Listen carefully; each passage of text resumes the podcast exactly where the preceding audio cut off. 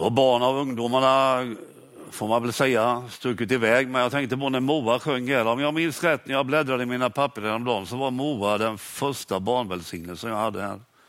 Och nu är hon eh, stora damen. Så är det. Eh, jag vet inte, har du tänkt säga något om torsdagskvällen?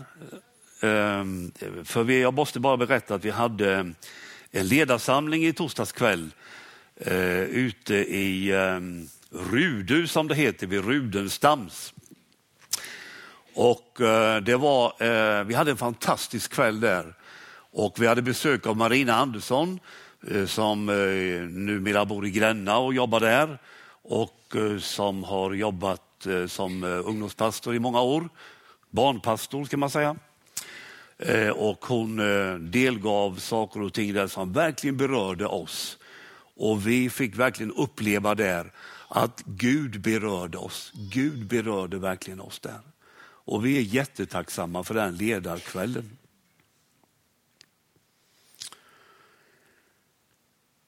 Nu dagens evangelietext från Johannes evangeliet 20. Det är sidan 774 i biblarna i bänkarna. Sidan 774. Och vi står upp när vi läser texten. Johannes 20 och 24. En av de tolv, Thomas, som kallades Tvillingen, hade inte varit med när Jesus kom. De andra lärjungarna sa nu till honom, vi har sett Herren, men han sa, om jag inte får se spikhålen i hans händer och sticka fingret i spikhålen och sticka handen i hans sida tror jag det inte. En vecka senare var lärjungarna samlade igen och Thomas var med. Då kom Jesus, trots att dörrarna var reglade, och stod mitt ibland dem och sa, frid åt er alla. Därefter sa han till Thomas, räck hit ditt finger, här är mina händer. Räck ut din hand och stick den i min sida. Tvivla inte utan tro. Då svarade Thomas, min Herre och min Gud. Jesus sa till honom, du tror därför att du har sett mig. Saliga de som inte har sett men ändå tror. Också många tecken som inte har tagits med i denna bok gjorde Jesus i sina lärjungars åsyn. Men dessa har upptecknats för att ni ska tro att Jesus är Messias, Guds son och för att ni genom att tro ska ha liv i hans namn. Amen. Varsågoda och sitt.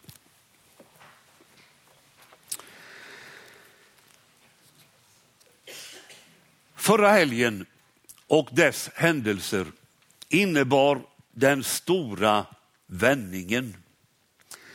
Den stora vändningen i hela historien. Jesus har dött och uppstått. För efter påskdagens händelser med Jesu uppståndelse så är ingenting sig likt längre. Det har gått upp ett nytt ljus, nya möjligheter, nytt hopp, över hela världen och över våra personliga liv. För sanningen är faktiskt den att hur mörkt det än kan bli så finns det inget som är riktigt hopplöst längre. Jesu uppståndelse innebär att det alltid kan öppna sig en framkomlig väg för vi har en mästare och herre som lever. Alltid en framkomlig väg. Och när det gäller kyrkans år så är vi nu inne då i tiden efter påsk, eller påsktiden som det heter numera. Och i stort så lever vi ju i, alltid i tiden efter påsk. Hoppets tid. Låt oss aldrig glömma det. Händelserna i den text vi har läst, de utspelar sig veckan efter påsk. Och det är den veckan vi är i nu. Det handlar mycket om Thomas och om Jesus och om hur Jesus har omsorg om Thomas och visar sig för honom. Fyra punkter från den här texten. För det första, en hade inte varit med när Jesus kom. Det var påskdagens kväll och lärjungarna var samlade innanför de låsta dörrarna. De var rädda. osäkra på detta med Jesus. Och nu hade han blivit korsfäst, vad skulle hända med dem? Det var ju frågan. Det låg ju risigt till. Men där mitt i rädslan och oron på påskdagskväll så står Jesus mitt ibland dem. Och mitt i oron så kommer han och förmedlar sin frid. Frid åt er alla, säger han. Och så andas han på dem och så får de ta emot helig ande. Men en hade inte varit med när Jesus kom. Thomas. Vad Thomas gjorde den första påskdagen, det vet vi inte. Men om vi ska använda prästen Bo Branders tankar lite, så menar han helt klart att Thomas missade påskdagens gudstjänst, eller högmässan som prästen uttrycker det. Och så fortsätter han, för om man inte är på påskdagens gudstjänst missar man att möta den uppståndne Kristus. Och eftersom påskdagen som är så viktig är en söndag, så är ju varje söndag, också idag, en liten påskdag. Och varje söndags gudstjänst finns det möjlighet att möta den uppståndne Kristus. Det är fantastiska tillfällen. Och visst har det varit så, inte minst den sista tiden tycker jag, att vi har haft gudstjänster där Jesus har mött oss genom sitt ord, genom nattvarden, genom profetisk hälsning, genom förbön, genom gemenskapen. Och vi är oändligt tacksamma för det. Och ber om att det ska få fortsätta. Om vi växlar på lite nu så tror jag att både du och jag har känt så här när vi har läst om Thomas och de andra lärjungarna. Så har vi tänkt så här, att andra får uppleva och erfara så mycket av Jesus, men inte jag. Jag är som Thomas, som saknas. Andra tycks leva i flödet nästan jämt. Det är bara jag som lunkar på och tycker det är lite trögt sådär. För det första kanske vi är ganska många som tycker att det bara lunkar på utan att det händer så mycket i våra liv. Sen tror jag att Gud gör mer än vi anar. Gud gör mer än vi anar. För det andra, om du känner dig som en Thomas som har missat något, som andra tycks ha varit med om, så vill jag riktigt stryka under nu att Jesus är lika nära dig som han är nära någon annan. För efter uppståndelsen så har Jesus en ny kropp och den nya kroppen innebär att han kan vara närvarande överallt. Då Måste det betyda att Jesus var lika nära Thomas som han var nära de andra lärjungarna? Saken var bara den att Thomas inte fick se honom med sina ögon. Så hur du än upplever ditt liv med Jesus så är han nära dig. Lika nära som hos någon annan. Saliga de som inte har sett men ändå tror. På tal om att Jesus är nära. För tre veckor sedan var jag och gick på Dumme Mosse, en måndag där. Och jag gick bland annat på den där breda spången där man kan köra med rullstol. Och när jag gick där så tänkte jag att Jesus är nära mig nu. Han går vid min sida. Och när jag tänkte på det så var det som att man ville dra sig åt sidan på spången där liksom. Så Jesus fick plats bredvid.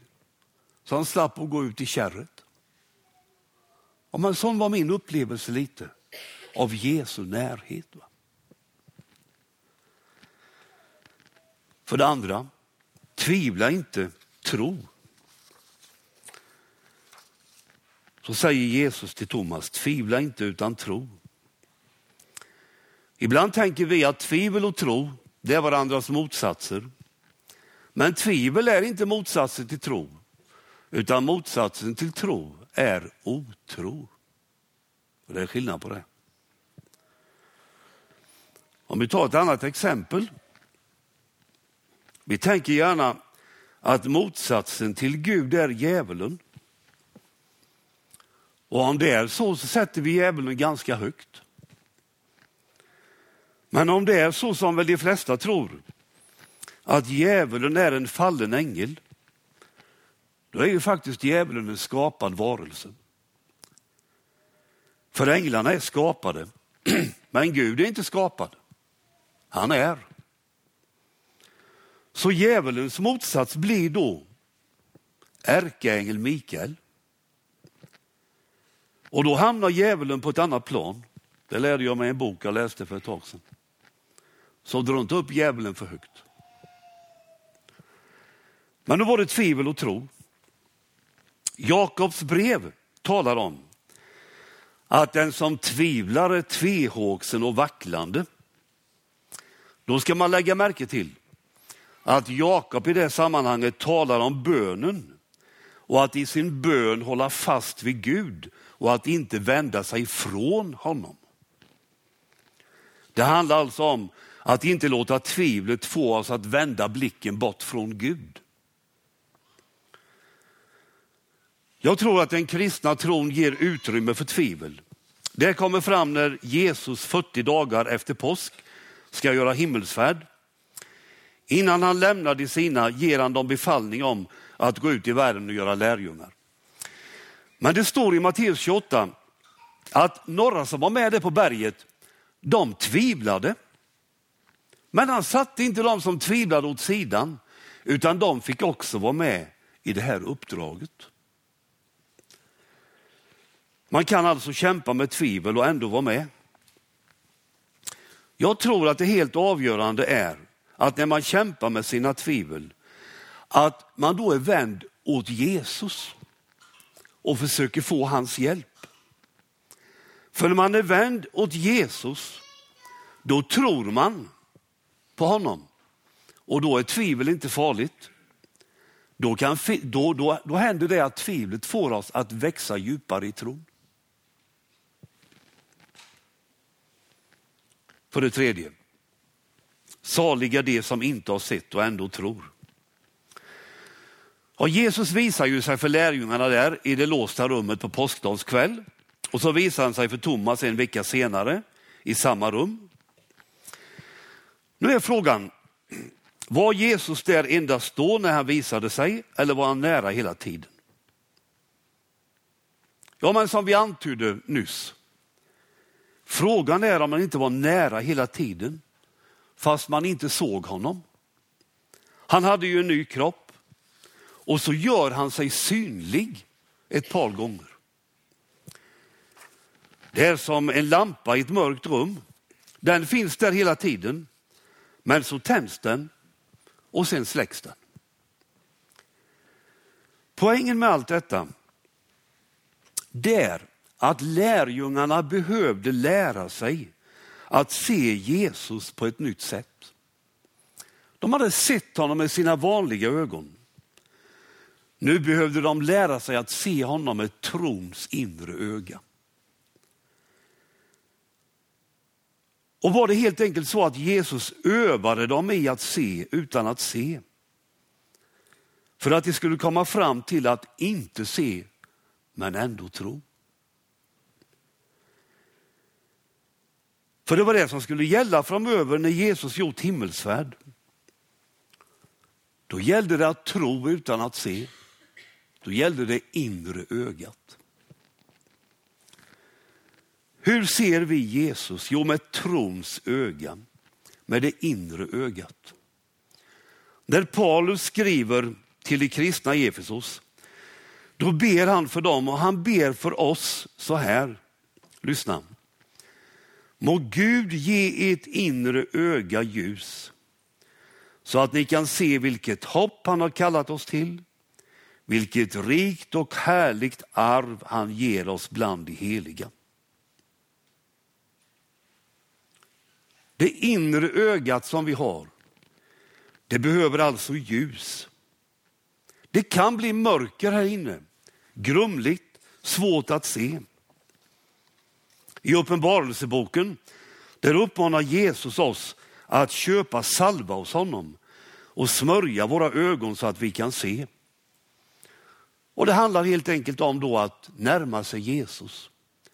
Låta honom få tillgång till hjärtat. Låta honom förvandla det så att vårt inre öga kan se honom. För det är när vi ser honom med trons öga, det är då vi är saliga. Att vara salig, det är den högsta formen av lycka och mening och tillfredsställelse. Det har hittat hem. Och längtan efter detta, det har ju Gud lagt ner i våra hjärtan från början. Ibland söker vi att tillfredsställa den längtan på annat håll, men det är bara Gud som kan hjälpa oss med vår djupa längtan efter salighet. Det är bara Gud, för det är han som har lagt längtan där. Var och en blir inte salig på sin tro. Men man blir salig när man ser Jesus med trons inre öga. Och för det fjärde, för att ni ska tro. Vår text slutar ju med den här versen. Men dessa tecken har upptecknats för att ni ska tro att Jesus är Messias, Guds son, och för att ni genom att tro ska ha liv i hans namn. Nu är det lätt att tänka